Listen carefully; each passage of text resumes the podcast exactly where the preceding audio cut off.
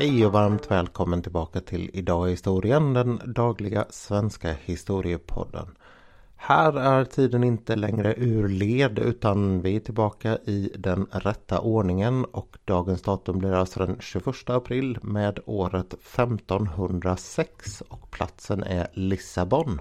Där har kungens trupper precis återvänt till huvudstaden och de har börjat rensa upp efter ett fruktansvärt våldsutbrott som har skett på söndagen. Det är precis som i år, tisdag den 21 och det som har hänt har gått till historien som massakern i Lissabon eller pogromen i Lissabon. Och det är precis som eh, namnet antyder det här slaviska ordet pogrom förföljelser och mord på judar som har utspelat sig i staden under tre dagar. Historien är dock såklart mycket äldre än så och de här motsättningarna mot judar de har djupare rötter än bara några dagar. Den verkliga motsättningen börjar ungefär när de kristna börjar trycka tillbaka mårerna som har levt på den Iberiska halvön, alltså i Spanien och Portugal. Det var ju en stor muslimsk expansion under 600 och 700-tal som gjorde att man kom bortåt i Nordafrika och sen över och upp i de här länderna. Och under den här tiden så har de judar som finns på plats haft det väldigt, väldigt bra.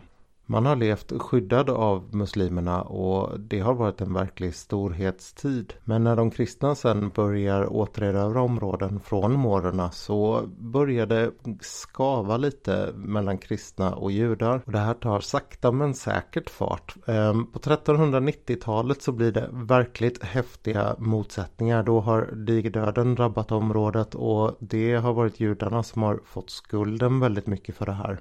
Det leder till att man börjar sätta press på att någonting måste göras åt det här och man börjar med att tvångskonvertera de här judarna så att de måste bli kristna, alltså katoliker. Det fungerar för ett tid ganska bra. Sen ökar motsättningarna igen och man ger sig på de här på olika sätt. Det berättas bland annat att man gav dem mat med skinka i för att kunna avgöra vilka som var judar för att se vad de gjorde när de upptäckte att det var fläskkött i. Ferdinand och Isabella de tar och sätter stopp för det här fullständigt. 1492 så kommer någonting som heter Alhambra-dekretet där man helt enkelt bara utvisar alla judar ur Spanien. Det här är ju en grupp då som kallas för de sefardiska judarna Förenklat så kan man säga att det är de som är i Västeuropa, de som är i Östeuropa är ashkenatiska judar. Och de här judarna de försvinner på olika håll när de inte längre får kvar Spanien. Några de väljer att följa sina muslimska beskyddare och sticker över Medelhavet till Nordafrika eller österut mot dagens Turkiet och Grekland. Och andra de sticker antingen till Italien eller till Portugal. Det finns de som menar att Columbus kan ha varit jude som hade stuckit från Spanien och till Italien under den här, eller hans föräldrar då såklart, under den här eran. I Portugal så blir det spänt också tämligen omgående. Redan 1497 så säger kungen där, Manuel den förste, att det är tid för judarna att ändra sin religion och bli katoliker.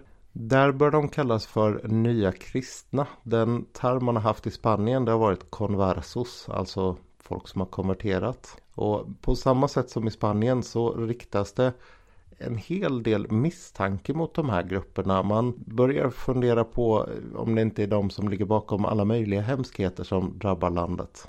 Det förstärks också av att eh, många av de här judarna de gjorde goda karriärer som kristna. De lyckades både i kyrkan och i det vanliga samhället. Manuel han väljer en helt annan väg än vad man har gjort i Spanien. Han menar att har de bara konverterat och det utvisades de från Portugal också om de inte gjorde. Men har de bara konverterat så är de lika goda katoliker som alla andra. I Spanien så har man istället pratat om behovet av blodets renhet. Och då menar man att även ifall du blir katolik så kan du inte bli en riktig spanjor om du är jude. 1506 där vi då är tillbaka till den här söndagen innan dagens datum. Då är Lissabon en väldigt hårt drabbad stad. Det är både torka och pest och folk har dött i hundratal om dagen berättas det. Den här söndagen så strömmar folk till kyrkorna för att gå i mässan. Man är ju såklart oroad över de hemska tider som är. Och mitt i en av de här mässorna så är det en man som ser hur Jesu ansikte uppenbarar sig framme vid krucifixet. Det måste ju vara ett tecken och det blir väldigt uppståndelse inne i den här kyrkan. En person han säger dock att det här är fel, du måste ha gjort ett misstag. Det där var ju bara en vanlig ljusreflektion. Och den här mannen han är då så kallad nykristen, en jude som har konverterat till katolicismen. I det här oerhört spända skedet så får det här väldigt oväntade konsekvenser. Väldigt oförståeliga konsekvenser får man väl egentligen säga. Um, vad som händer är att man börjar misshandla den här mannen inne i kyrkan. Man sliter ut honom på gatan utanför och slår helt enkelt ihjäl honom.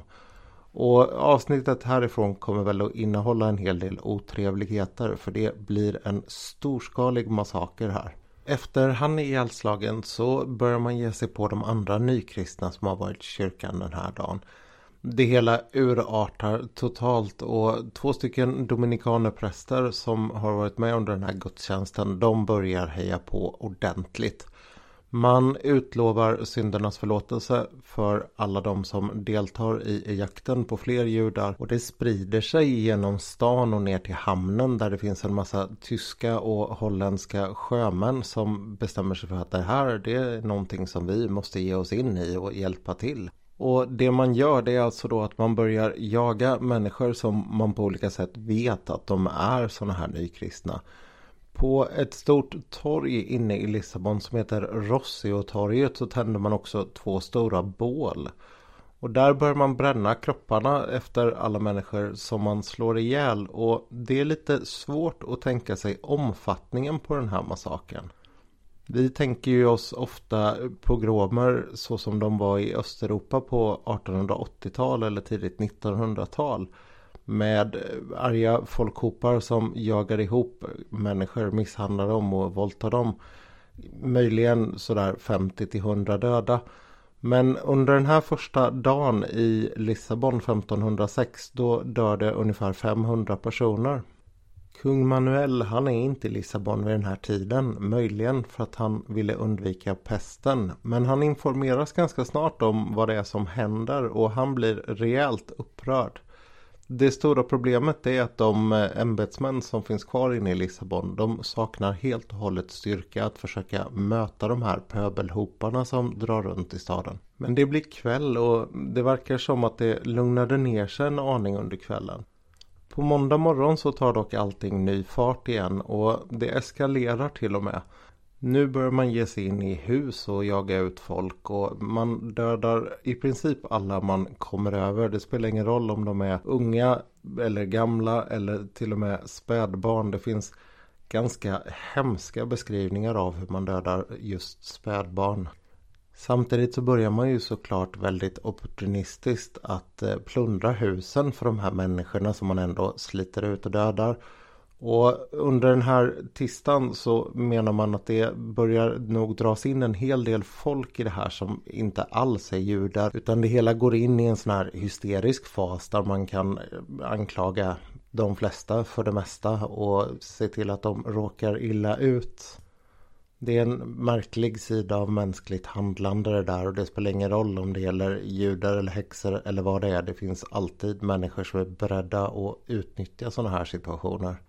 Det här eskalerade våldet under måndagen det resulterar i att ungefär 1400 personer till dödas. Så sammanlagt så är man uppe i nästan 2000 personer som har dödats och bränts på det här Rossio-torget. Manuel han har tack och lov hunnit få fart på sin statsapparat vid det här läget och börjat skicka in den kungliga vakten. Det är de som anländer på dagens datum och börjar ta tillbaka kontrollen över staden från de här upprorsmakarna, uppviglarna, vad man nu vill kalla dem, svinen.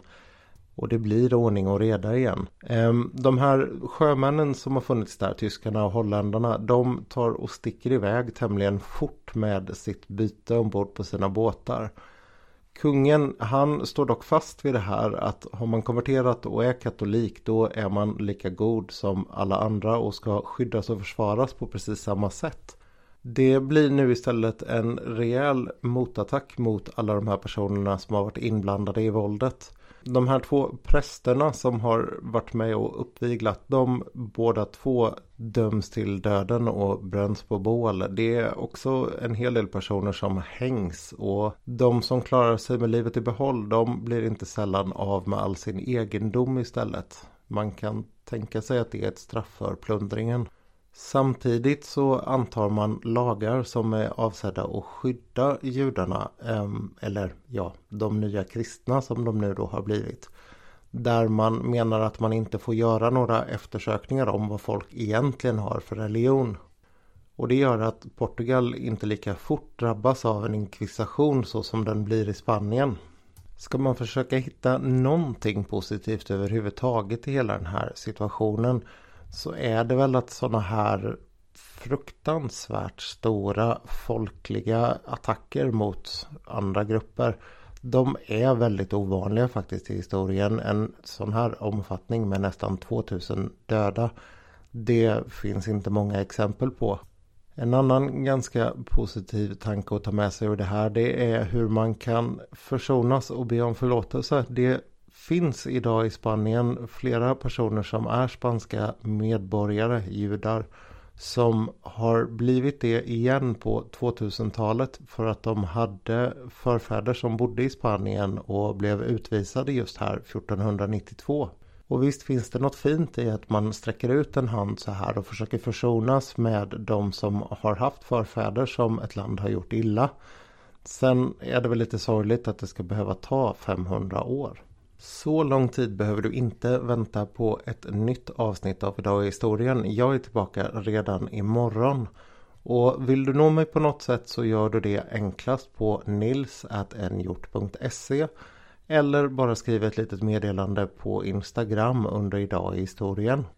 Och vill du göra mig till en väldigt, väldigt lycklig man så passa på att tipsa alla du känner som kan vara intresserade av den här podden. Det kan vara enskilda avsnitt eller som prenumeranter eller vad som helst. Jag är bara väldigt glad ifall mitt slit når så många som möjligt. Folkbildning är jäkligt häftigt och att man kan göra det på det här sättet det tycker jag är alldeles fantastiskt. Med de orden så vill jag tacka för mig, tacka för att du lyssnade och säga att jag hoppas att vi hörs imorgon igen. Allt gott!